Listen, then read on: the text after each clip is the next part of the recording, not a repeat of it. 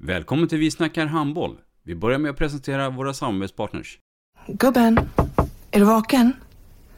Jag, jag tror att det är idag vi får veta. Jag kom in! Mamma, jag kom in! Mamma, jag kom in! Jag kom in! Ah! Vi finns där du är när livet förändras. För alltid välkommen till Länsförsäkringar. Nej men, ska du ha t-shirt på dig? Du, det är ingen vanlig t-shirt. Det är en nya bollar till klubben t-shirt. Och så matchar den grillkryddorna vi ska använda. Hur då? Men det är ju alla ska med på klassresan grillkryddor. Stötta barn och unga. Shoppa på newbodyfamily.com. Länge leve föreningslivet!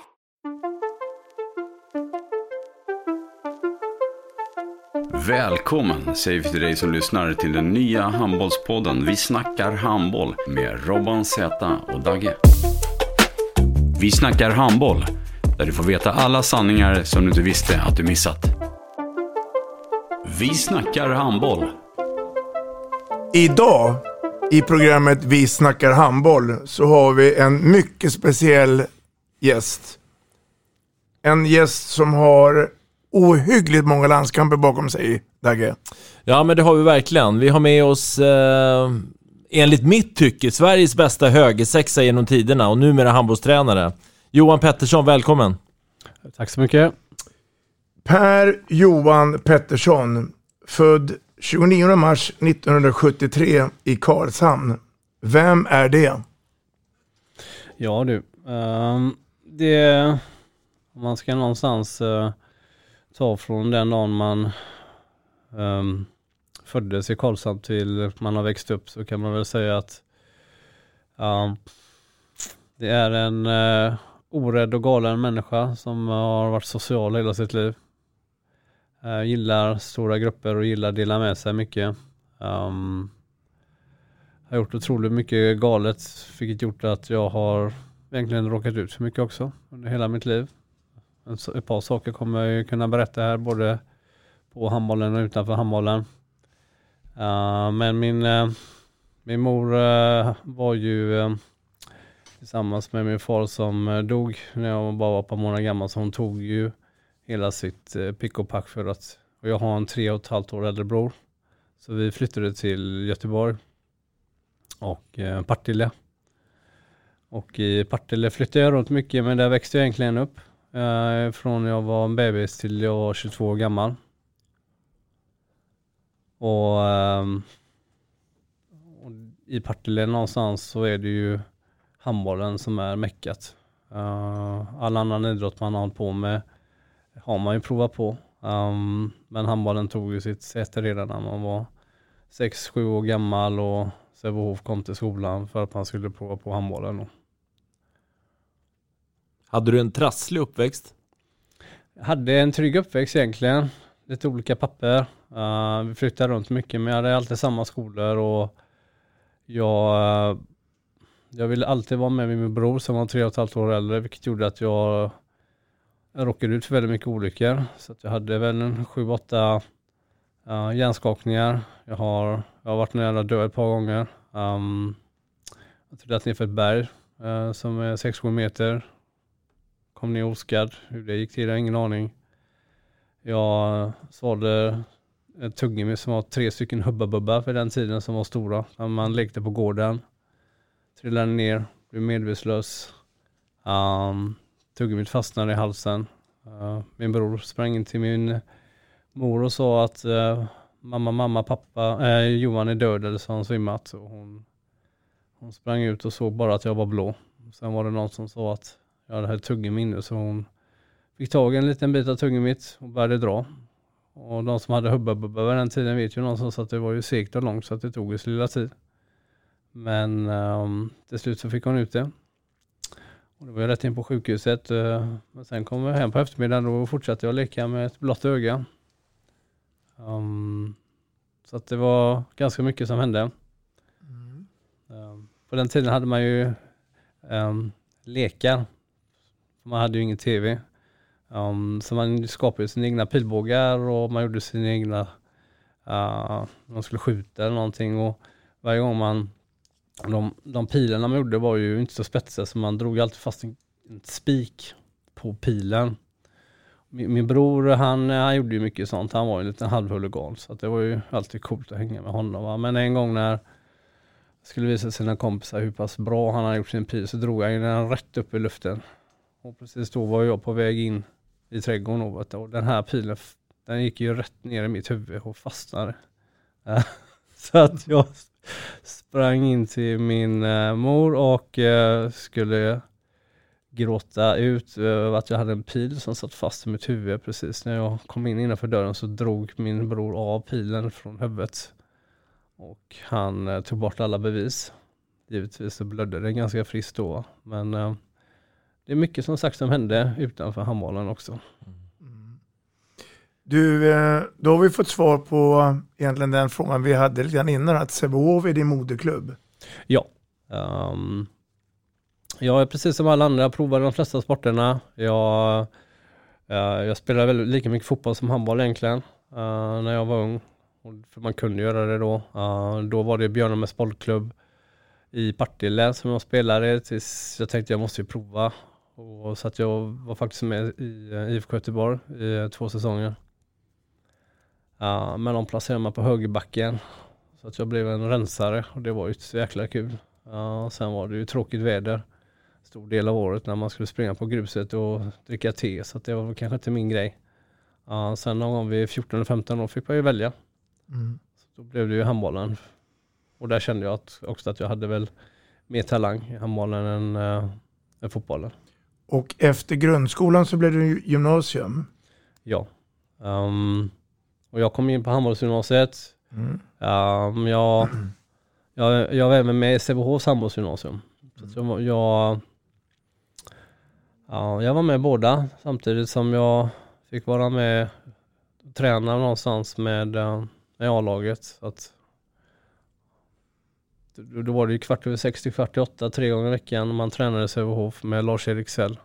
Partillebohallen? I Partillebohallen. Mm. Hur gammal var du när du kom upp i A-truppen? 16. Ja. Jag gjorde min första, eh, första match för, eh, för A-laget borta mot Skövde eh, när jag var 17 år. Mm. Um, så det fanns en... Är det i samma veva egentligen som Sävehof, eller Sävehof hade tagit sig upp i elitserien bara några år innan va egentligen? Ja, precis och det ja. var väl ett, ett lag som slet och kämpade ganska Um, Peder Järphag. Och... Ja, Peder Järphag, Robert Weberg, Magnus Börjesson. Mm. Weinicka i målet. Um, Martin Frändesjö var där ett tag innan han flyttade över till RIK. Um, och Niklas Simonsson var där. Mm. Det var många duktiga spelare. Och även på den tiden då så fanns det ju många talanger i Sävehof. Um, det var ju inte alls så utpräglad förening som det är idag. Men det var ju uh, otroligt mycket duktiga tränare och det fanns ju egentligen bara, det var ju bara handbollen som man skulle satsa på när man var i Partille och, och det var ju alltid den kampen Sävehof mot RIK egentligen under hela min uppväxt. Det var ju den stora, alla andra lag var ju, det var ju inte intressant egentligen. Det var ju den matchen man skulle vinna varenda gång. Mm. Det, det, fick man lära sig. Mm. Mm. Om, om, vi backar tillbaka till ungdomsåren då så har du förmodligen haft x antal tränare. Ja. Är det någon du känner du vill lyfta fram att den här personen betyder mycket för mig då och kanske gör det även idag? Ja, alltså då, alla, jag har haft tur. Jag har haft många bra tränare, många kompetenta tränare egentligen. Så att, och alla har haft sin roll. Uh, Jag har haft en, uh, när jag var i uh, A-pojkarna så hade jag en, Loppan, heter han. Mm. Kallar det är ingen som säger någonting annat. Du vet, ganska tuff och hård va, men jävla skön ledarstil hade han ju.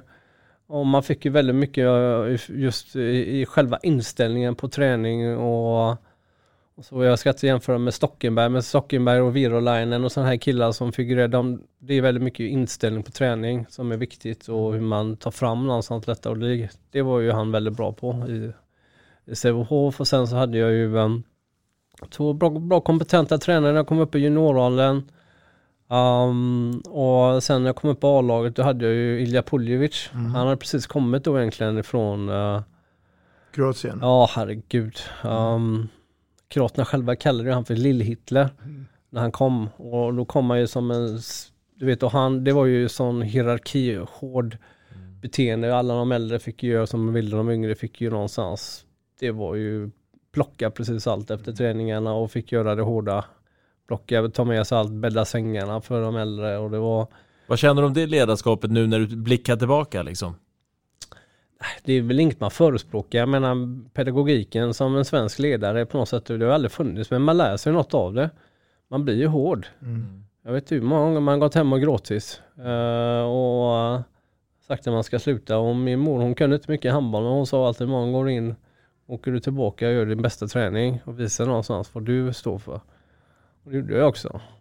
Um, men, men de fem åren kan ju summera som jag hade honom uh, innan jag flyttade ut var ju där jag lärde mig otroligt mycket. För han, han har ju tagit fram otroligt mycket duktiga kantspelare. Allt från Irfan Smalagovic och Chavar på vänsterkanten. Han har varit med mycket med dem. Så han, han kunde ju kantspelare. Ja, så man fick ju otroligt mycket kunskap ifrån honom. Och det någonstans präglades ju först egentligen efter man blivit av med honom. För han tryckte ju ner en hela tiden. Så man, man kände sig hela tiden begränsad. För han, varje gång man gjort en bra match så fick man ju ett helvete dagen efter va. För då, då skulle han trycka ner den hela tiden. Du ska inte tro att du är något. Ja, du vet då sparkar han ut bort bollen och du vet, kastar ut den från träningen. Du nämnde ju tidigare här att Lars-Erik Sell Ja. var- var tidigare då A-lagstränare i Sävehof. Ja. Och lite grann en, liksom, på den tiden i Sverige så var ju Lars-Erik Sell nummer ett. Ja. Han kunde ju mest om handboll innan Klingvall kanske fick det epitetet liksom. Mm. Men Sävehofs val där, för det måste ju ha varit någon brytpunkt mellan Lars-Erik Sell och Ilja Puljevic. Ja, alltså Lars-Erik Sell hade ju bara hand om handbollsgymnasiet egentligen. Ja, okej. Ja, så Ja. att eh, det var ju ehm, det var ju Puljevic, ja men de provade någonstans något nytt och han, eh, han tog oss ju två finaler, vi vann ju ingen men han, han satt ju in och alla accepterade ju hans beteende. För det måste du göra som förening och som grupp för det är ju väldigt hårt. Ja, och, och gör du det och överlever det då, då blir du ju någonstans du är härdad. Mm. Eh, hur man vrider vänder på det och det ska man ta sig någonstans tyvärr så, så behöver man bli härdad. Mm. Det, är, det är inget som man tycker det är bra men, men det här lite management buffé det, det, det finns en roll eh, någonstans i den ledarstilen också. Eh, Det märker man ju. För, för att bara runda av ungdomsåren där då. Ja. Numera så finns det någonting som heter Sverigecupen, alltså stadslag eller länslagen. Hur, hur var det på din tid? På min tid så fanns det junior-SM och ja, det var det som gällde och vi kom till final och, och vi var absolut inga favoriter men vi slet oss dit och förlorade mot Skövde eh, som hade Andreas Agerborn. Andreas Hagerborn, Andreas Larsson, Marcus Lindblad, Marcus Wallgren, de hade ju ett stjärnlag. Uh, så det var ju inte så mycket att säga till om. Uh, men vi spelade uppe i Nackahallen uh, och um, man fick ju någonstans, ja, men jag fick ju vara med i spelet i juniorlandskamper. Det är inte allt som nu, man får spela EM och VM utan det var ju på matcher man fick där i um, Partille Cup. Man mötte nordiska länderna. Och ehm, och sen var det ju ungdomslandslaget och då hade man ju Gunnar Blombeck. Um, och ska man nästan ta någon som mentor under hela min uppväxt så är det nog Gunnar Blombeck jag vill ta fram mest för att det var han jag ringde när jag hade, ja, men när jag hade problem. När, vad ska jag göra nu? Jag mådde dåligt. Och, ja, han hjälpte mig faktiskt mycket, vilket jag kan berätta senare till orsaken varför jag flyttade från någon klubb till en annan. Så han, eh, han har varit en bra vägledare där faktiskt. Var inte även Leffe Widfors med i de tidiga juniorlandslagen? Jo, det Därför- stämmer. Ja. Du skrattar. Ja men han, hans taktik var väl inte så himla hård utan han, han hade ju bara ett uttryck. Um, och jag vet inte, det är ju, det är ju ganska barnförbjudet när man säger det här så jag vet inte riktigt om man ska släppa den. Ta det Um, kanske när vi stängt av mikrofonerna. Ja. Ja, eller så får du säga. Du, seniortiden där i Sävehof var det fram till 96. Ja. Sen fick du börja lära dig lite tyska. Ja, eh, då, då öppnades ju upp portarna för Bosmandomen trädde i kraft och helt plötsligt så gick det från 0 till 100. Eh, och för min del så, så ville jag ju bara ut. Um, jag var 22 gammal, trodde jag kunde allt, vilket jag givetvis inte kunde. Um, jag fick två alternativ, det var antingen flytta till Düsseldorf där Ola Lindgren spelade i andra ligan eller flytta till första ligan till Minden där Robert Hedin spelade då. Och då valde jag givetvis första ligan för det är ju som 22-åring är ju alltid givetvis lite häftigare. Vad, vad sa dina nära och kära då när, när du sa att nu lämnar jag landet? Ja, Uh, morsan uh, har ju alltid stöttat mig uh, och farsan också så att det var bara att gasa där. Um, jag hade ju träffat precis en, min dåvarande fru, uh, kanske en månad innan jag flyttade. Mm. Men hon hängde med faktiskt efter en månad. Då vi inte ens kände varandra och skulle ut i tyska landsbygden och lära känna varandra samtidigt som, ja, egentligen helt otroligt och galet. Men det blev bra. Man lär ju känna varandra och det, så knyter man ihop eller så går det åt helvete. Mm. Och det gick bra. Och, och tyskan då? Det, den funkar? Ja, jag, jag, kunde ingenting. Så att jag blev... Um, men det var... De, de, köpte in sju stycken spelare under det året och köpte in därefter en tysk, eller en, en polas, polsk uh, tränare som var så dålig. Antagligen så var alla budgeten slut och de tog det billigaste som fanns där ute. Det kändes det som. Um, men um, Stefan Stocklin som var en av de största då mm. på högernio flyttade ju dit va? och han hade ju jag bredvid mig och det var ju inte mycket bollar man fick av honom ute på kanten. Um, så jag fick ju börja någonstans och, och, och bli bänkad uh, för att uh, den polske tränaren hade med sig en högerkant från sitt gamla lag då så att det var ju bara att sitta där tills man Tyckte att man eh, förtjänade mer och sen så när jag väl fick spela fick jag bara spela anfall och fick inte spela försvar. Mm. Ja, då tänkte jag men då, då är det ingen att spela för kontring är ju på något sätt det jag är bäst på. Mm. Um, så att då, då, då började jag ju någonstans prata med Gunnar Blomberg faktiskt. Och uh, fråga vad, vad ska jag göra? Så här, jag, jag sticker hem nu för det här är inte roligt. Jag får inte spela någonting. Uh, så började han fundera om man skulle ta, ta sig till Norge då till hans klubb. Uh, jag hade faktiskt kontakt då med kroppskultur i det skedet då. Um, för då var Ulf Skevert hade flyttat dit och de hade ju faktiskt något på gång.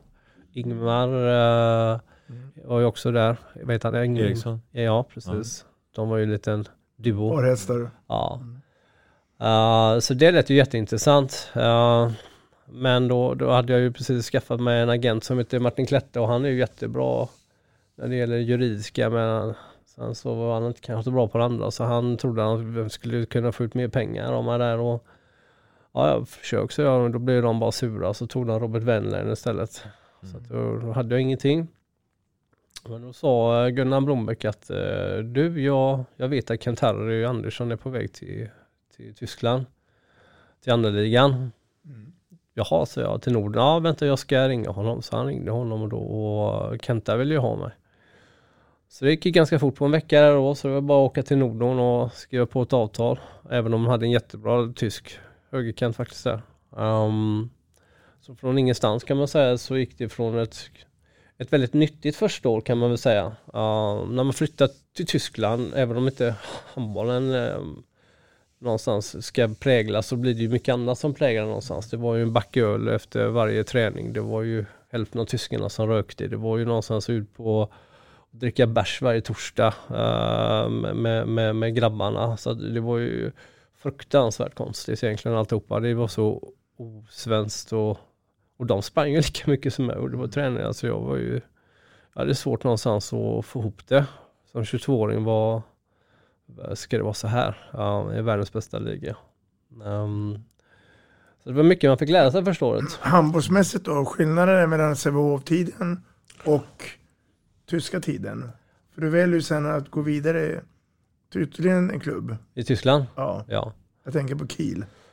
Ja, om man ska först gå ifrån eh, från minne till Norden mm. då så, mm. så gick ju det egentligen, då öppnades allt. Man hade en svensk tränare, man, han tog ju dit fyra norrmän och tre svenskar. Så plötsligt... Gensel där då, i den vevan? Förlåt, nej, Gensel och Jobomir Vranjes kom egentligen när jag stack. Uh, så okay. de som var där då, det var ju Jesper Larsson. Mm. Andreas Larsson kom dit. Mm. Um, och så kom Ola Lindgren efter mm. två år jag varit där. Um, och sen var det ju Glenn Soberg som spelade fyra år med och sen Olof Sando på linjen och Marius Riese på vänsterkant och eh, eh Frode Tjej i målet. Ja, så det blev otroligt mycket skandinaver. Målet var ju att gå upp i högsta ligan. Um, så första året någonstans spelade vi fantastiskt bra, blev tvåa. Uh, lyckades inte kvala upp. Um, och andra året vi spelade så tappade vi en poäng egentligen och uh, vann ligan. Mm. Ja, och precis i det skedet så fick jag uh, ett uh, erbjudande från Kiel, flytta dit.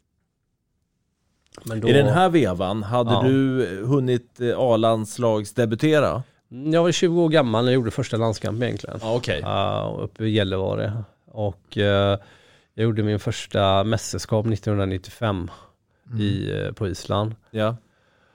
Och med Bengan var det ju så någonstans. eh, Hade man kommit in och rotat sig då var man inne va. Ja, min roll just då det var ju någonstans att bara försöka få så mycket tid som möjligt på, på plattan och försöka egentligen fylla på så man får mer matcher. Då var, det ju, var man ju först bara glad att man fick vara med för det var så otroligt svårt att komma in. Jag var ju väldigt ensam i början. Um, men sen så började det någonstans komma in lite, lite mer. Um, Stefan Löfgren kom, Jobbomir Brannes kom in, Peter Genser kom in, Martin Frändesjö kom in. Uh, så det började någonstans fungra sig lite grann. Uh, men de första två åren, 1995 där och 1996 i uh, OS i Atlanta. Um, Andreas Larsson kom med då också ut. Jag sitter, Han- han- jag sitter, också. får avbryta lite Johan, jag Ja. sitter och funderar lite. 1990, det var ju egentligen första VM-guldet i Prag. Ja. Och då var ju Sten Sjögren och Thorsson här för mig. Precis. Men när Sten Sjögren slutade väl i den vevan efter, var det du som kom in då? Nej, de, de varierar lite där. Så att det, det, Robert Wenlainer var med, Thomas Sorajemi var med. Det Ja, var just lite, det, Ja, just det. det var de som sprang lite bakom. De är fyra, fem år äldre än dig ja. Ja, Just det. så Ja. att, så att, men, men det var ju någonstans lite uttalat att Pierre Thorsson var första spelaren Och det gäller någonstans först att få, få komma med överhuvudtaget. Mm. Ja, och, och sen är det ju Bengan, för Bengan är det ju viktigt att komma in i gruppen också. Ja, och det, den var ju fylld av ledare och man var ju någonstans bara respektgivande och egentligen livrädd för vissa. Ja, så det var ju bara att halka in och lära känna dem. Um, och det, det gjorde man ju med tiden. Det tog sin tid faktiskt för de var fruktansvärt eh, det var, det, var en, det var en grupp någonstans som var svårt att komma in i. Var det nästan jobbigt att åka på samlingarna? Nej, men det var, det, det var ju superhäftigt för att man ville ju någonstans bara vara med. För det var, landslaget var ju så Mm. galet stort. Och det var ju någonstans målet. Men man, man fick ju övriga matcher hela tiden. Man fick ju aldrig chansen någonstans. Det var en match som gällde någonting. Det tog ju sin lilla tid. Ja, och det var ju, det är inte som idag då de kräver nästan alla ungdomar att man ska gå in och få speltid med en gång. Utan där fick man någonstans, precis som i Sävehof, man fick, man fick på något sätt, det tar sin tid. Man fick på något sätt sitta på bänken, lära sig och sen när man fick sina chanser så gällde det att ta dem. Um, han var nöjd med det jag gjorde och då hade man en plats där. Och då var han inte speciellt intresserad eller av att byta. Um, för att jag, jag levererade varje gång jag fick chansen. Um, för att det var ju ett lag som gjorde mycket kontringar. Uh, Benga Johans eh, lag. Så att, eh, och det är ju det jag var bäst på. Och högerkanten var bra på den tiden. Ja, men det var ju Pierre Thorsson och Johan som man kommer ihåg ifrån den här Bengan-eran egentligen. Även om Thorsson är ju sju, sju år äldre än dig va? Ja, Torsson slutade ju 00 eh, och då kom Jonas Enlin med Ja, efter det. just det. Du Johan, eh, Kiel då, då Ja. fyra år. Ja. Eh, ja, efter fyra år i Nordom så, så, så blev det Kiel. Det blev ett, ja, blev tyvärr ganska dåligt avslut i Nordom. Uh, det var- det behöver inte fördjupa sig mycket, men, men ehm, det blev ju någonstans sista året i Norden fick jag ju inte så mycket speltid. Jag fick till och med sitta utanför, inte ens träna med laget för de var så sura på att jag hade skrivit på då för Kiel.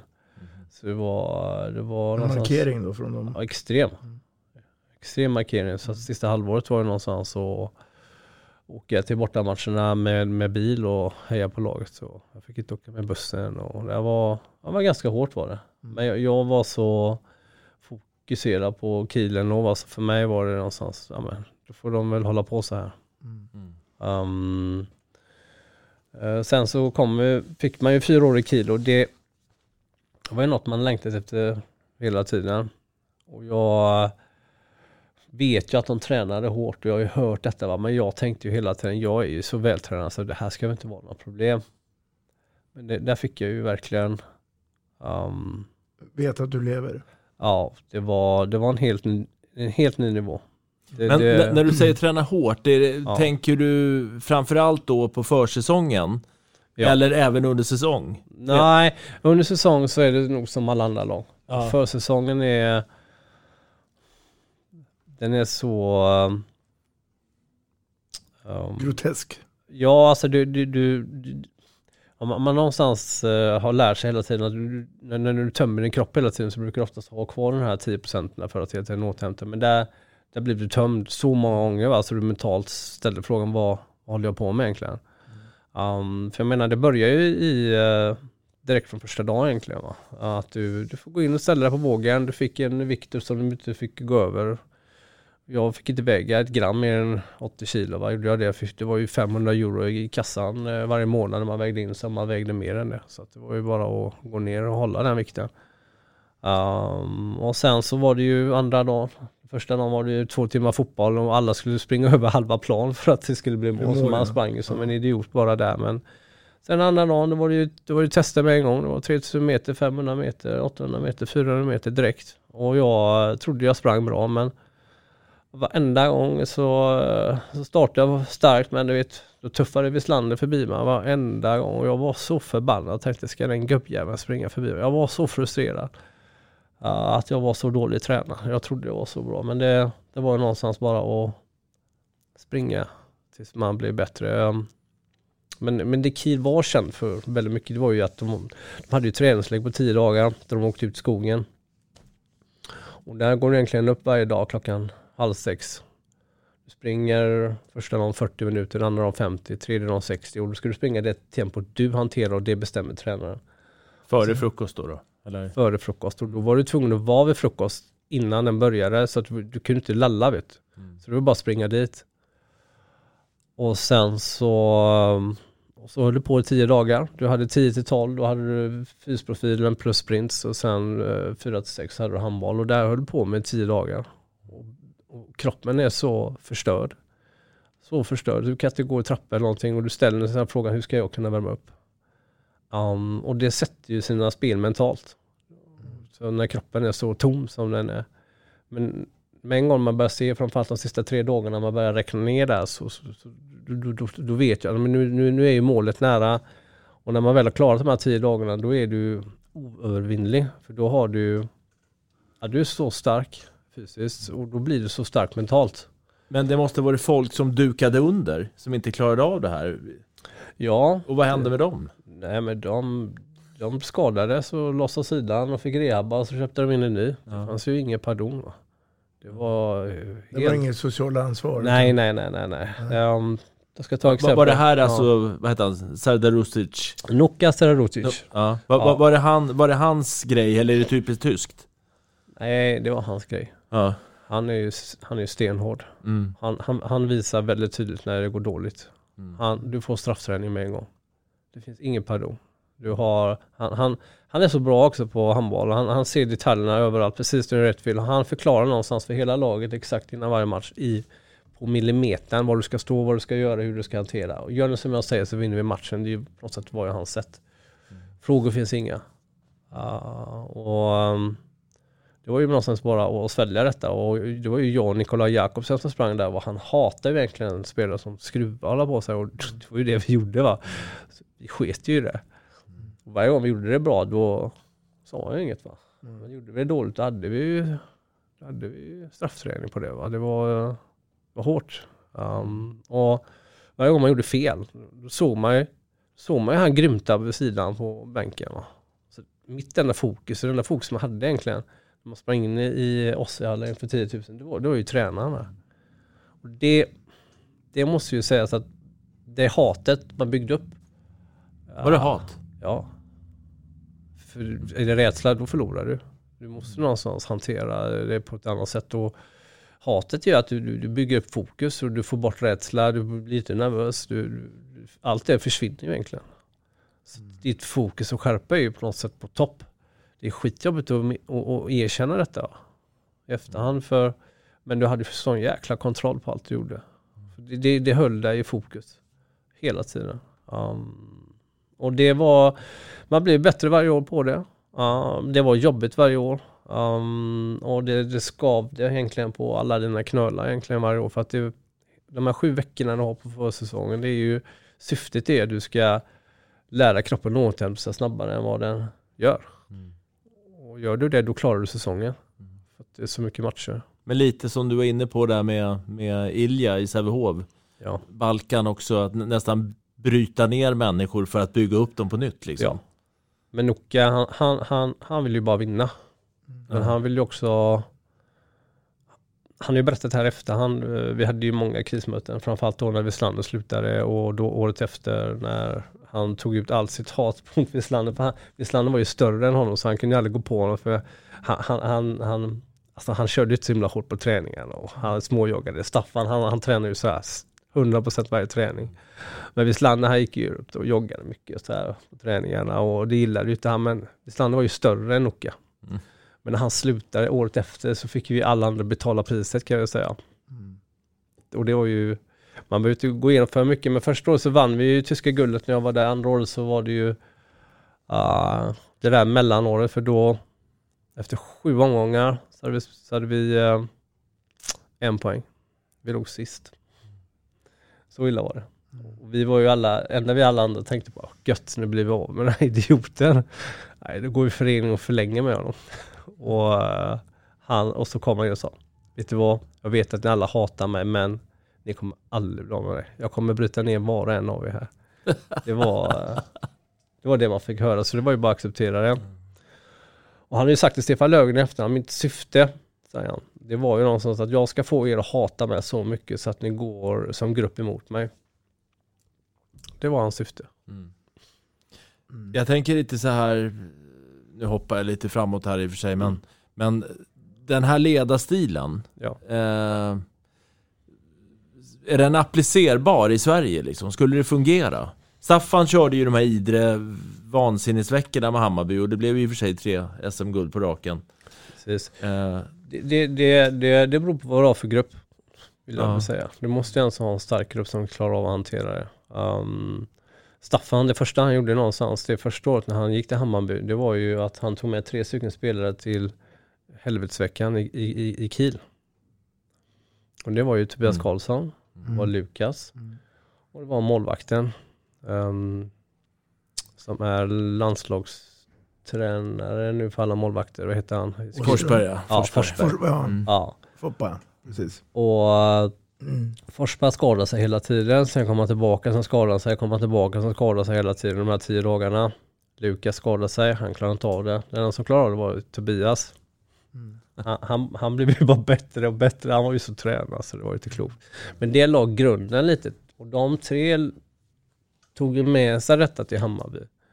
Och året efter, åren efter det, det var då de körde vidare med detta i Idre. Ja. För att det, återigen, det är fysiskt väldigt tufft men du blir, du blir lika stark mentalt som fysiskt när du tar dig igenom en sån helvetesvecka. Um, och man kan inte ens förklara, man behöver uppleva det. Man behöver ju vara väldigt vältränad för att överhuvudtaget klara av det. För du vet, ska du på något sätt gå in till ett halvdant lag, du kommer ju förstöra varenda en. De måste ju ens vara vältränade för att överhuvudtaget ska kunna gå. Och du måste ju ha massörer och allt runt om dig. Ja, men ja, det är väl nog stor del därför man är ett par år idag där. Vill jag säga. Efter Kiel-tiden så kommer du hem och eh, är i Jönköping, Ja. Um, det, jag var, i Hallby.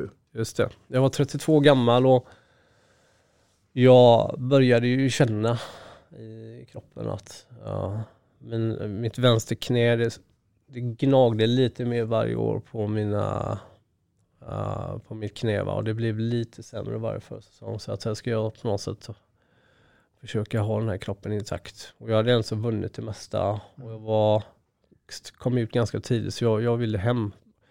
Proffslivet i sig är ju inte speciellt kreativt utan det är ju extremt enformigt. Räddningen är ju matcherna. Ska ju tilläggas. Det är ju hårt. Är du Kiel, det är ett hårt jobb. Är du, som, som när man var i Norden, då spelar man ju golf två gånger i veckan och var ju hemma hela tiden. Men i Kiel, du, då var du borta hela tiden. Det var ju så mycket mer i Kiel. Du var ju på autograftimmar, det var ju med sponsorer. Du hade ju så mycket andra saker någonstans som eh, spelar in. Ehm, och, och jag var klar egentligen.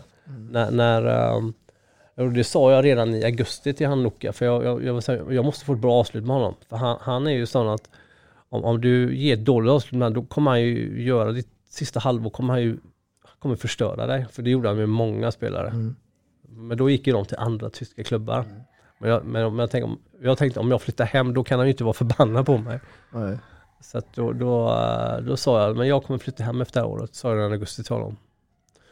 Och då var det Göteborg eller eh, Jönköping då, då min dåvarande fru är ifrån. Um, men det fanns inget intresse från Sävehof uh, den tiden. Och, uh, Jönköping hade något på gång. Jag träffade han där. Uh, Janne Malmberg heter honom och han uh, ville ju göra någonting med, uh, Hallby då. Och laget. Och jag vill ju hem någonstans. Jag, jag vill ju fylla på någonstans. Min kreativitet som var ju en total avsaknad egentligen. Och ledarskapet fanns. Det har alltid funnits där egentligen i mig. Men det, det fanns ingen tillåtelse riktigt att ta fram den. För när det var i landslaget var det så många ledare som var där. Så det var ju någonstans att bara ta sin roll och ta sin plats. Och var det gubben som tog med sig videofilmer och kaffe, fixa kaffe på plats. För det, det utrymmet fanns ju inte. Samma sak i Kiel, men där fick jag ju ändå som en mycket, mycket större roll. Va? För att jag vann ju interna skytteligan varje år. Jag var ju den enda som inte var skadad. Och Nokia hade ju full förtroende för mig.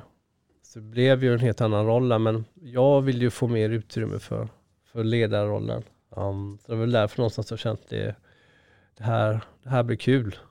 Framförallt. Uh, så jag var ju där tre år. Mm. Och det var jätteroligt. Um, fulla hus varje med hemmamatch. Vi kvalade tre år i rad. Var en hårsmån från att gå upp två gånger. Ja, men lyckades inte.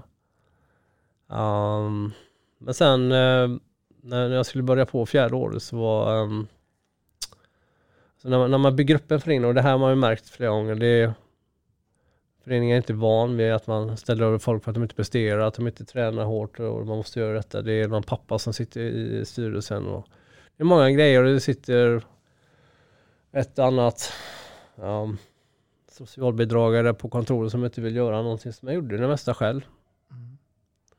Och jag tror att de, de tyckte nog inte att det var så roligt att jag de tyckte att jag tog över deras förening kändes det som.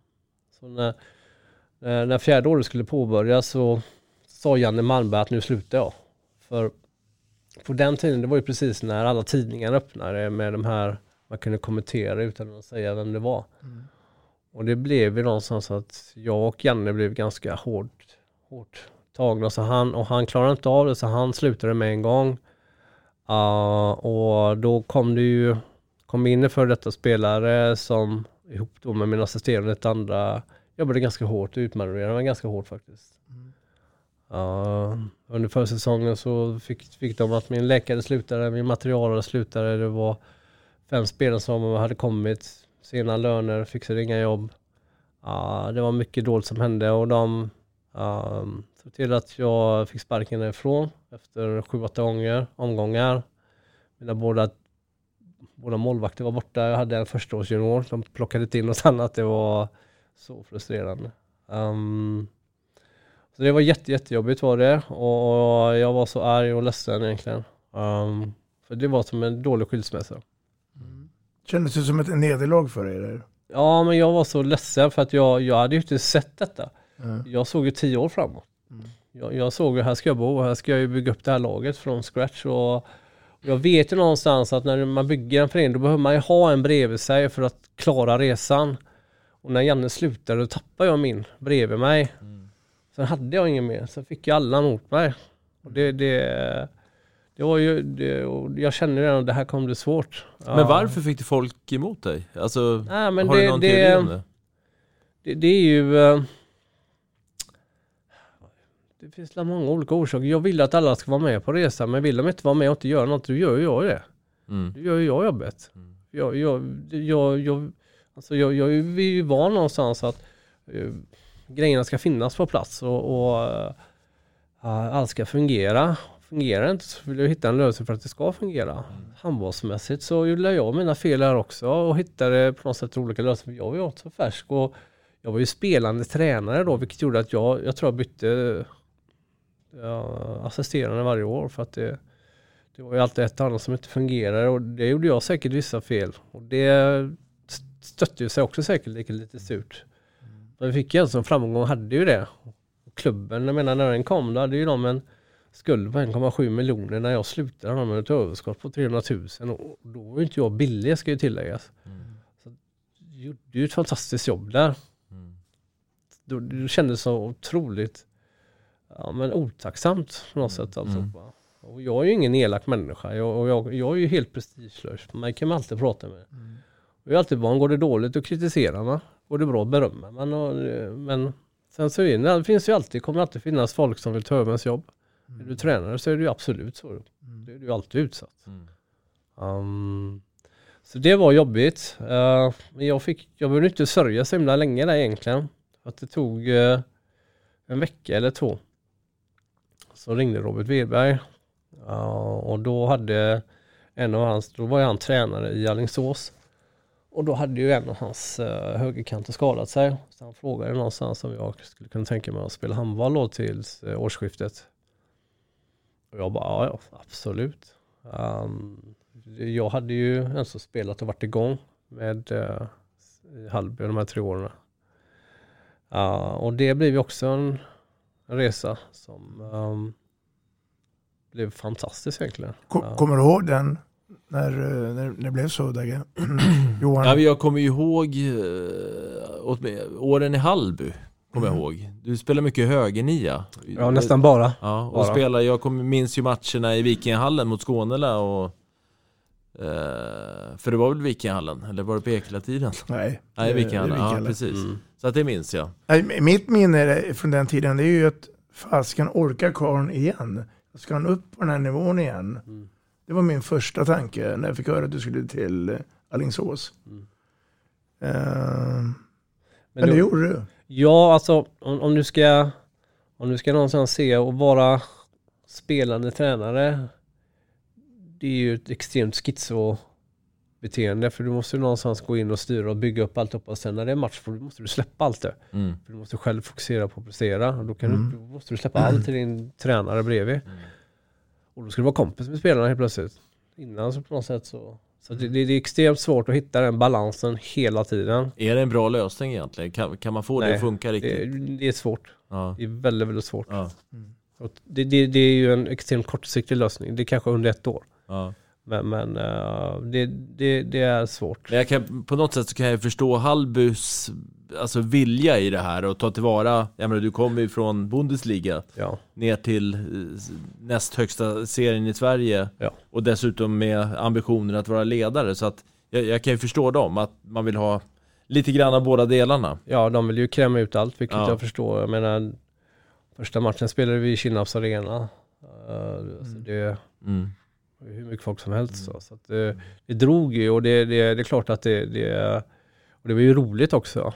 Uh, men, men det är svårt och jag var spelande tränare. Mm. Du, du gav det inte heller för att eh, efter Alingsås så gjorde du en kort session i IFK Kristianstad. Ja, eh, precis. Um, Alingsås var, var ju, om man ska bara avsluta den, fick man ju någonstans spela i den här fantastiska uh, lilla hallen innan de byggde om mm. den och uppleva helt allt som har med det att göra och sen få uppleva ett SM-guld någonstans som bara kom oväntat och få åka X2000 hem och, och från hela perrongen till hela stan var ju knöka full med folk och det var ju kortege och det var ju folk stod och vinkade. Det var, det var som i Kiel. Mm. Fruktansvärt osvenskt. Men så häftigt för egentligen, det var ju bara glädje då. Mm. Det var ingen press, det var ju, var ju bara glädje och skulle vi förlorat kvartsfinalen mot ett dåvarande Lindesberg så hade inte någon sagt något. Semifinalen mot Hammarby, det var ju bara för att vi hade tre hemmamatcher egentligen. Vi förlorade ju alltid alla bortamatcherna. Det var därför ingen trodde heller vi skulle vinna finalen i Globen. Uh, så därifrån någonstans uh, var det bara positiva minnen. Man tog med sig allt man gjorde och allt som hände egentligen och människorna som jobbade runt där. Um, men sen som du säger då så dök ju Kristianstad upp och det var ju inte heller någon bra lösning för då bodde jag i Jönköping och jag sa att jag kan inte pendla ner till Kristianstad, det är ju jättelångt. Så att jag... Var det herr Larsson som ringde dig då? Och frågade? Mm, om jag kunde vara med på matcher. Var det så det började? Ja. De hade ju problem där också och uh, jag spelade egentligen bara matcher med dem. Mm.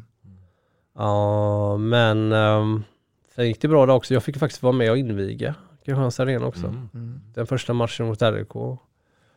Fick skjuta den sista straffen. Då var ju... Um, Höger nere? Eller? Nej, faktiskt. En fint och så uh, över uh, huvudet på... Uh, var det Thulin som var målet? Det var någon. Uh, jag kommer inte ihåg, men det blev oavgjort i alla fall. Det var... Um, det var också häftigt, fullsatt. Uh, väldigt osvenskt. Mm. Um, och Kristianstad vet man ju någonstans sen innan då att det, det är ju en stad som bara har, det, det är som Alingsås, det är bara handboll. Mm. finns inget annat. Så det var ju bara glädje, men de vill ju förlänga säsongen ut men bara nej, det, jag sa att det, det får räcka, det är för mycket pendling, jag orkar inte. Um, så att jag tror jag var med kanske 5, 6, 7 matcher där men tror jag inte det var. Nej. Jag tänk, innan vi hoppar vidare på Johans nuvarande tränar eh, Mm, bit och där, så, så känner jag att vi har missat lite med, med landslaget. Ja. Eh, Sverige spelade väl, eller tog väl tre raka OS-silver, varav du spelade två av dem? Ja, jag var med två. 96 och 2000. Just det, varit. just det. Ja, om man ska ta en kort summering egentligen från alla åren så, eh, så kan man egentligen säga 95, och 96 och 97, det var ju lärlingsåren. 98 så skadade sig Pia Thorsson precis i början på turneringen så jag eh, fick spela hela den turneringen själv. Fick ett fantastiskt resultat, gjorde en otroligt bra turnering. Fick kröna den med ett EM-guld och um, fick göra sex mål i finalen och ja, det var, det var otroligt roligt. Eh, uh, 1999 så delade jag och Pierre på rollen uh, hela vägen till finalen, även i finalen. Där uh, spelade jag inte speciellt bra, där kom in och gjorde mycket bättre. Och uh, vi vann ett VM-guld 99, men då, då fick jag precis som bästa högersexa i turneringen, vilket var säkerligen lite präglat från 98 också när jag gjorde ett bra mästerskap där. Mm men sen kom vi till 2000 och då var jag i superform. Sydney. I Sydney. Ja, jag, vi delade på tiden fram tills det var dags för uh, utslag, kvartsfinal och så. Och då, och då hade inte Tors egentligen spelat bra den turneringen och jag hade spelat jättebra men då valde Bengan att plocka bort mig. Så han plockade bort mig i kvartsfinalen. Um, det gick inte alls bra för Torsson. Uh, och jag tänkte, ja men bra, då är jag med i semifinalen. Um, då tog han inte med mig där heller. Inte tog med? Du menar att du jag satt på inte, bänken? Nej, jag satt på läktaren. Mm. Satt på läktaren? Ja. Det är ju, eh, han valde ju eh, att köra med en kant och så Ja. fylla på då med niometare och försvarsspelare och, och satte den då. Ja, och så gick det inte bra i semifinalen heller så jag hade ju en förhoppning att jag skulle spela finalen men jag, jag fick inte heller vara med där. Och eh, det gick ingen vidare för Torsten heller där. Um, så jag, jag, jag var så förbannad och besviken egentligen efter OS. Så att jag sa att eh, jag kommer säga till Bengan att jag slutar nu för det, det, här, det här kommer jag inte gå med på. Men då kom Bengan till mig efteråt och sa han, ja Johan jag, ja, jag gjorde en chansning här med Pierre för jag trodde han skulle komma tillbaka och han gjorde inte det och det var fel av mig. Och jag ber om ursäkt för det. Ja, och han kommer sluta nu och uh, väggen är öppen för det framåt. Och sa jag vad jag tyckte med men tyckte det var så himla starkt av honom att bara verkligen gå rätt fram och be om ursäkt. Mm. Ja, och det var väl det som gjorde också att man körde på och fick, hade förtroende kvar egentligen. Mm. Um, och sen kom 2001 och då um, uh, var det i Frankrike. Uh, och då hade jag um, det fruktansvärt jobbiga året i uh, Nordhorn. Då jag inte fick spela någonting och jag kom till samlingen och jag var verkligen inte bra. Jag var jättedålig och då var Jonas Ernlin inne och han spelade fantastiskt. Så jag tror jag satt egentligen på läktaren nästan hela den turneringen och, och det hade jag inga problem med för jag kände jag är inte i form. Och Jonas gjorde helt otroligt bra från sig. Um, och där var vi nära, det var nog nästan det mästerskapet vi spelade bäst handboll. Och det var faktiskt då Staffan Olsson inte var med, så vi spelade egentligen med Magnus Andersson, Stefan Löfgren och Jommy Brandis. Det var ju bara tre lirare som bara mm lirade handboll och det var ju sån rolig handboll egentligen. Um, men sen 2002 skulle kröningen ske, uh, hemmaplan. Uh, Bengan sa till mig tidigt att jag, han kommer köra med mig 100%. Och uh, det, det var ju skönt att höra det innan och vi hade ett par matcher innan egentligen mästerskapet där jag gjorde en otroligt dålig match mot uh, uh, Tjeckien eller vad det var. Jag hade kanske tre mål och sju missar. Um, men han, det bara kör nu Johan. Och efter det så släppte det egentligen. Mm. Och jag gjorde väl kanske min bästa turnering där på hemmaplan. Um, och, och, jag har nog aldrig varit så nervös och rädd inför varje match men samtidigt så himla häftigt mm. att få uppleva. För det var, det var som, ja men det, var, det, det gick inte att förklara med något annat mästerskap. Mm. Alla de matcherna i Göteborg man fick uppleva där med den stämningen och sen åka upp till Globen och spela semifinal och final där och allt det som hände. Så att på det sättet också egentligen, vi vann finalen på. Uh, och så egentligen efter 2002 så kände man att man kan, man kan sluta med handboll för att uh, vi vann mot Barcelona i Europacupen, vi vann tyska guldet och vi vann EM-guld under samma år. Så det var, det var en sån fantastisk säsong egentligen. Uh, som många av oss då, Stefan Löfgren var där, Staffan Olsson, Wislander, um, ehm, Henrik Lundström, men han var ju inte med då. Men det, det var ju mycket man fick uppleva det året. Mm. Som var häftigt. Mm. Sen efter det så gick väl det inte När bra. det här poddavsnittet sänds så har vi avverkat ett OS i Tokyo. Ja. Ska vi få uppleva ett OS-guld 2021 tror du? Uh, ja, alltså det, vi, vi, kan väl börja med herrarna. Uh, herrarna har ju, uh, de bytte ju landslagstränare båda två och det var ju två, jag ska inte säga chans uh, tränare för det var ju oprövade kort kan man väl säga. Oväntade val kanske? Ja, alltså Glenn Stroberg hade ju vunnit otroligt mycket som uh, spelare men han är ju knappt var tränare. Um, men han hade ju, han var ju, uh, han, han, han är ju en så samma de ville nog testa något nytt kändes det som. Och det är lite Christian Berg i Norge på frammarsch. De ville nog kanske få med den delen. Så de gjorde väl nog en testning där kände de. Um, och Glenn har ju jag spelat med i många år. Och det är ju på något sätt, han är ju stöpt i, Glenn, i, i Kent Anderssons skola va. Och det är ju någonstans, det är ju trygghet, alltså rörelserna ska vara tydliga och på något sätt hur du rör dig, hur du kommer, hur du kommer mot mål, allt är ju det är väldigt, väldigt tydligt. Han gillar ju att ha en första uppställning, bygga trygghet med dem och sen på något sätt fylla på och jag tror Glenn har, och, och Martin Bokes får ju tilläggas, har, har ju uh, lyckas extremt. Jag tror att de har haft mycket tur med att uh, de som kom ifrån, de äldre som kommer från mästerskapet innan var så hungriga för att leverera. Alla de underifrån har utvecklats så pass mycket för att ta nästa kliv och visa. Så att det blev någon slags eufori egentligen från båda delarna. Då, där alla någonstans gillade upplägget som Glenn och Martin byggde. Mm. Och man såg egentligen det hela mästerskapet, vilken fantastisk handbollsspelare.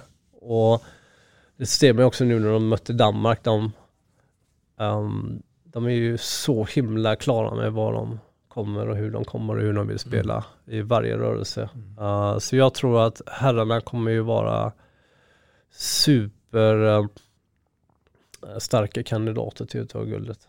Mm. Det tror jag. Um, och tjejerna? Ja, um, det var också ett oväntat val med Axner. Han uh, har ju varit ganska många år i, herr, i herrhandbollen i Lugi. Uh, tagit egentligen sitt lag till slutspel i alla år. En SM-final tror jag under alla dessa år. Uh, och aldrig haft någon damhandboll. Uh, men samtidigt, man, man, det, det, det, finns ju, um, de ser kanske vad de, de, de tränare som finns på marknaden just då och det är ju Uh, också intressant att se någonstans om man kan ta någon från handbollen. Um, Så första mästerskapet, eh, om man ska se vad jag, det är väl bara min åsikt, men jag tycker han, han, är, han är helt orädd när han tar ut eh, laget. Mm. Sen så tyckte han bytte sönder egentligen eh, laget under hela turneringen. Han bytte för nio meters uppställning egentligen varje, varje match. Och eh, coachade inte hem det så himla bra så de kom 11 om jag inte minns fel och vann väl en match. Uh, så det var nog en tuff start och det är väl kanske svårt också men när, när du har en sån stark person som Bella Guldén då Ska du spela med henne? Ska du inte spela med? Vad ska jag göra? Så jag tror att han, han gick nog i en, en jobbig situation och först väljer han då, ja, men jag tar bort den från straff. Jag tar bort den men sen vill, märker han jag måste ha med henne och mm. kanske svårt att plocka in henne. Det, det, det, är en svår situation kan jag tänka mig i och med att hon har så stor auktoritär roll i laget. Mm. Uh, men det jag har sett nu när jag, när jag har sett de här två matcherna innan mästerskapet, nu när de spelade så såg de ju som en helt annan trygghet, ett annat lugn uh, i, i, alla rollerna och det känns som att han har hittat lite sina första uppställningsspelare. Så det såg väldigt, väldigt bra ut. Mm. Så att säga. Sen har de ju en extremt tuff grupp, damerna. Mm. Men tar de sig igenom den så tror jag att de kan överraska enormt. Mm. Men uh, det gäller också att ta sig igenom den. Uh, så att det, det, och där tycker jag inte man kan kräva mer än att de um, de behöver i alla fall ta sig till en kvartsfinal, men tar de sig dit så har de ju kvalitet för att ta sig hela vägen. Men det ska ju göras också. Herrarna känns som att de har mer erfarenhet och trygghet och lugn mm. än vad damerna har. Men, men, det kanske blir tvärtom. Det kanske blir tvärtom, för kapaciteten finns där tycker jag. Mm. Mm. För, eh, för att de ska kunna komma långt i alla fall. Mm. Ja, det är sunt. sunt. Vi får se. Den som ja. lever får se. Ja. Du, ehm, ska vi kika lite vidare här då? Mm. Uh, och det är ju din aktiva tränarkarriär. Ja. Um, Hallby har vi pratat om. Du har varit i Tyskland. Du var med i Kungälv som assisterande. Ja. Och nu senast är det då Kärra. Stämmer. Uh, berätta lite tankar och idéer här då. Jag vill jag ska börja i Kungälv eller ska jag gå direkt på Kärra? Direkt på kärra tycker jag. Ja. ja. ja. Um, egentligen var det ju tillfälligt att jag hamnade i damhandbollen. Jag, jag, jag kom ju hem egentligen. Um, jag skulle ju börjat en, en, en karriär i Tyskland men det laget jag skulle gå in i satte sig i konkurs efter sju veckor så det var länge bra start. Mm. Och då, då ringde Kungälv och då fanns ju någonstans en plats klar där. Så jag tänkte, ja men det här kan ju vara nyttigt. Um, men först så märkte jag att jag fungerar absolut inte bra ihop med Pontus där. För att vi har inte, all, inte alls samma filosofi. Um, hur man ska jobba med ledarskap och hur man driver ett lag. Uh, och sen vill jag ju ha ett lag själv. Mm. Um, och då, då tog ju kära kontakt med Thomas Willram och eh, Magnus Björklund då. Um, och de har väl bytt tränare ganska friskt under alla år kan man väl säga. Mm. Um, så att, eh, men jag fick ett lag som precis hade kvalat upp till damallsvenskan då.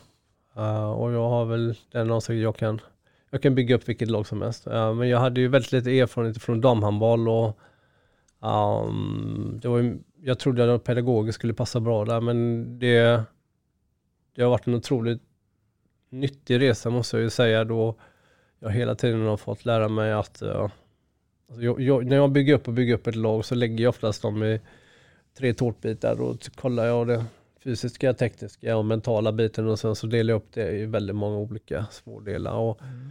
Den mentala biten när jag jobbar med damlag är extremt stor. Och den måste följa med fysiskt och tekniskt för annars får jag inte med de två bitarna. Så att det var otroligt mycket samtal man fick ha hela tiden. Och jag, ju mer jag hade dem, det mer förstår jag att jag måste nästan ha dem nästan varje vecka.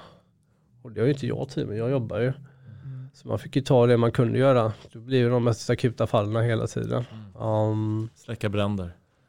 Hela tiden. Och uh, tjejer är tuffa mot sig själva, de är elaka mot varandra på ett helt annat sätt som killar är. Och jag tror någonstans när man vinner matcher så ska ska ju det bli bättre, självförtroende ska gå högre, men det är ju precis tvärtom. Det blir ju jobbigare. Mm. Och, och ju, ju, mer man vinner desto svårare blir det egentligen. Mm. Och det, jag har så svårt att förstå detta. Så att någonstans var ju syftet egentligen under de här två åren, det var ju bara lära dem att filtrera skit. Mm. Så allt som inte har vikt i vad du håller på med, det ska bort va. Eller fokuset, vad det är på något sätt, vad är din arbetsuppgift? Hur ska du göra mål? Mm. vad är din arbetsuppgift? Hur ska du göra mål? Alltså se bara lösningar hela tiden och sen så lärde jag dem egentligen ett försvarsspel som de aldrig gjort innan. Um, extremt roligt, oroligt uh, på alla lederna för uh, de tittar ju någonstans där, alla på föreningen, vad, vad håller han på med? Jag hade ju väldigt klart någonstans vad jag ville bygga upp försvaret och, och sen ville jag sänka farten med tjejerna så att de får mindre tekniska fel. Jag ville lära dem att satsa ordentligt så att på något sätt det är trovärdigt och, och sen jobba med skottteknik. Um, och någonstans under, under första året så var det ju, ja, varje match var ju en fruktansvärt hård kamp och det, det var ju, uh, och det, det, det är otroligt nyttigt men då märker man ju någonstans hur, hur viktigt det här är att man pratar mycket mer om att man har, de har förtroende för dem, att man, man kan någonstans säga till så här. Um, och det visade sig att vi nästan större delen av alla matcherna vi vann var ju sista kvarten. Mm. Matcherna var egentligen väldigt många jämna Mm. fram till dess. Men då, då hade jag bytt runt laget så pass mycket så de var ju fräscha, de som ska avgöra. Mm. Um, och det var ju det oftast vi vann på.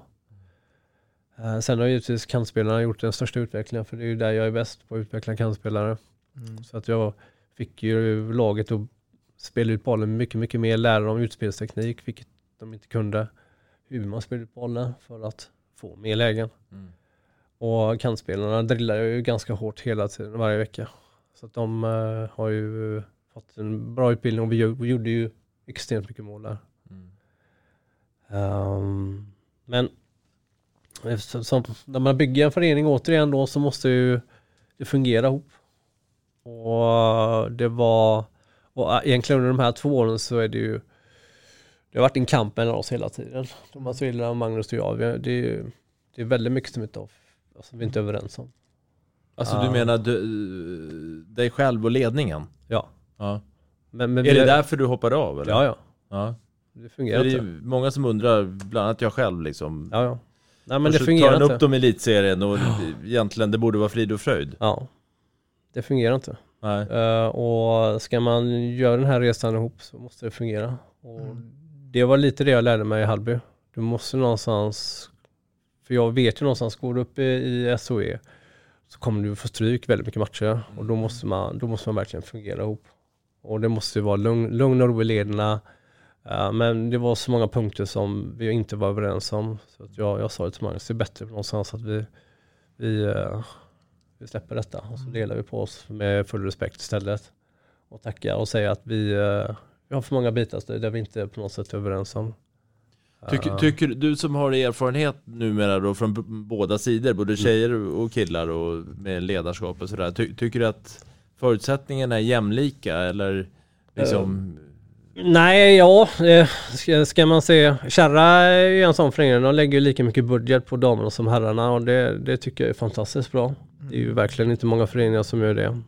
Um, träningstider och sånt det brukar ju oftast vara bättre för herrarna. Det var likvärdigt där i Kärra så att sånt är de ju jättebra på. Um, ska man se på hur Svenska handbollsförbundet jobbar och, och kan gå ganska kort och se någonstans att SVE har 12 lag, handbollsligan har 14. Mm. I handbollsligan så kvalar eh, tre lag. I SOE kvalar bara ett lag. Och det är egentligen enbart på grund av att um, Sävehof hade lagt in en, eh, ett förslag om att det ska gå från tre lag till ett lag istället. Och eh, det skulle gått ner till en förfrågan till alla allsvenska lag och SOE men det gick ju bara till SOE-lagen och de tycker att det är bra för då blir det större chans att de får vara kvar. Mm. Så det är klart att det är ju inte rättvist. Uh, allsvenskan så är det ett uh, 12 lag. I damallsvenskan är det 14 i herrarna. Varför? Det finns ingen orsak. Um, det är uh, elitdomare i herrallsvenskan som dömer. Det är ner till division 2 i damallsvenskan. Varför? Det finns ingen orsak. Så det är ju bara ren orättvisa. Alltså du kan rätta till hur enkelt som helst om du vill. Uh, och de enda, och det, det är många som driver det, framförallt då ledare från damallsvenskan som, som tycker och tycker att orättvisan är ganska jobbig och man ser det varje dag. De, de här sakerna du, du nämner nu Johan, ehm, har, har du tittat exempelvis Norge, Danmark, Tyskland? Har de samma synsätt som Sverige med? Nej, jag är absolut inte djupt rotad i de eh, länderna så jag har inte den kunskapen. Um, det enda jag ser när jag ser på de länderna det är ju att de är tekniskt före Mm. på många sätt. Mm. Individuellt tekniskt har de kommit längre. Men eh, just hur de, eh, hur, hur gäller, gäller det domare, gäller hur många lag, så det vet jag faktiskt inte. Och jag har inte fördjupat mig heller, utan jag, jag ser det jag ser. Och där jag framförallt, när man är involverad just i de skedena så ser man ju de här sakerna, då blir det ju påtagligt. Vad eh, kommer jag och Dagge och alla andra följare på Vi snackar handboll se dig i höst och vinter? Ja, ehm, det får vi se. Det, det har, jag har fått ett par anbud ifrån eh, både Sverige och Danmark och Tyskland. Um, Vi omformulerar frågan. Ja. Vad krävs det för att få Johan Pettersson som tränare? nej, jag, I, jag, I några korta drag bara. nej, men jag, jag vill ha, jag har en ambition. Och, och, det, det, jag vill ju någonstans uppnå någonting. Jag vill inte, jag, jag vill ju, jag vill komma egentligen ut utomlands. Om man ska slå ut det. Uh, och hur många år det krävs för att vara i Sverige. Spelar egentligen ingen roll. Men har du en sån livssituation så att du, med även liksom familjesituation sådär, så att du kan dra imorgon ifall rätt? Ja, det Ja. kan jag göra. Ja. Och familjen är med på det. Ja. Så att eh, det ger ju förutsättningar. Och just nu så är svenska tränare inte så heta på marknaden. Och du har, du har jättemånga som är före oss och många kompetenta men danska, norrmän och islänningar går ju före oss. Och då ska vi prata om spanjorerna är de mest heta. Du har ju fransmännen som är lite överallt nu också och alla Balkan. Så att vi ligger ganska långt ner i stegen. Det har börjat bli lite bättre uh, efter herrarna faktiskt tog silver förra året. Men vi ligger, vi, vi är ganska kalla där. Uh, så att jag vill väl hoppas någonstans på att mer svenska tränare tar sig utomlands. Både för sin egen utveckling och för att visa hur duktiga vi är. Ehm, Men skulle det vara bra för svensk handboll? Att Ja, du får- tror, jag tror att det är många tränare i Sverige som har fastnat. Mycket för att de är kvar i sina klubbar alldeles för länge och att de kör samma saker. Du, du ser ju någonstans nu med en gång folk som tar med sig saker utifrån. Så genererar det något extremt positivt med en gång. Um, och det, det, det, är ju, det är ju precis som en spelare som får erfarenhet så får ju en tränare också. Och det är ju synsätt hur du jobbar med förening, hur du jobbar klubben, hur spelarna är utvecklade, hur du får dem dit. Det, det är så många saker som man tar med sig eh, och lär sig på. Det, det hade ju varit otroligt nyttigt att bara på något sätt ta sig över till Danmark för ett par av våra tränare.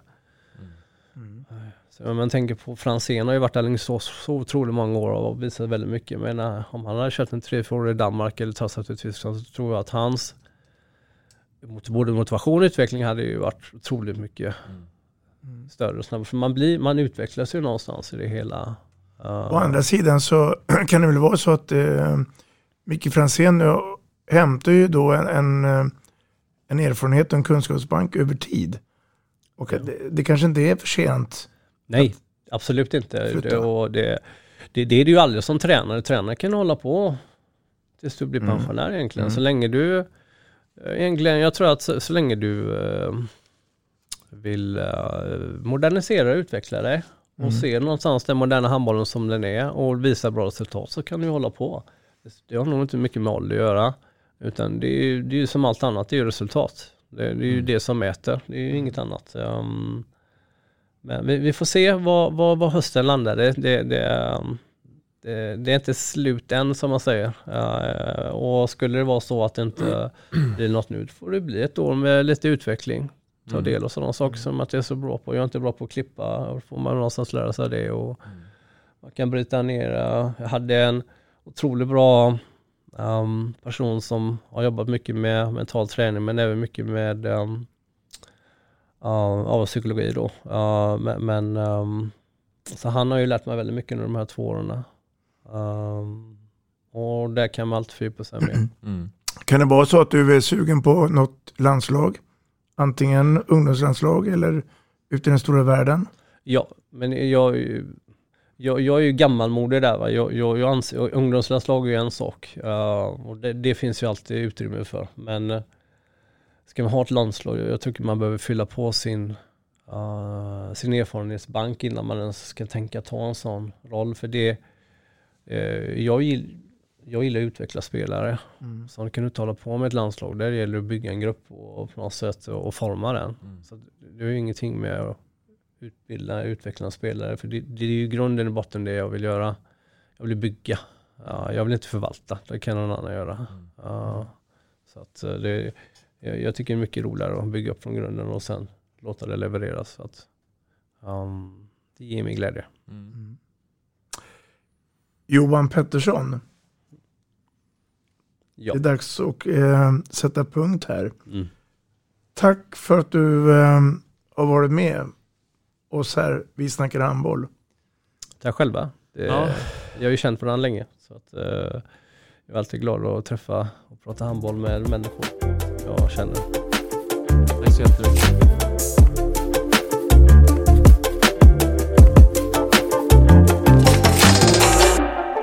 Vi snackar handboll där du får veta alla sanningar som du inte visste att du missat. Vi snackar handboll. Vi snackar handboll produceras av produktionsbolaget High On Experience, från vision till passion.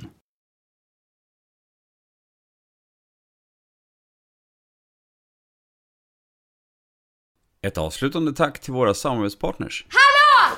Kommer ni eller? Ja, ja. Har du sett mina ankelsockar? De här? Nej, nej, jag menar skridskoslip till juniorlaget Ankelsockarna. Ja, men kolla bredvid träningsläger med handbollstjejerna-t-shirtarna. Stötta barn och unga. Shoppa på newbodyfamily.com. Länge leve föreningslivet! Gubben, är du vaken? Jag, jag tror att det är idag vi får veta. Mamma, jag kom in! Mamma, jag kom in! Jag kom in! Ah! Vi finns där du är när livet förändras. För alltid välkommen till Länsförsäkringar.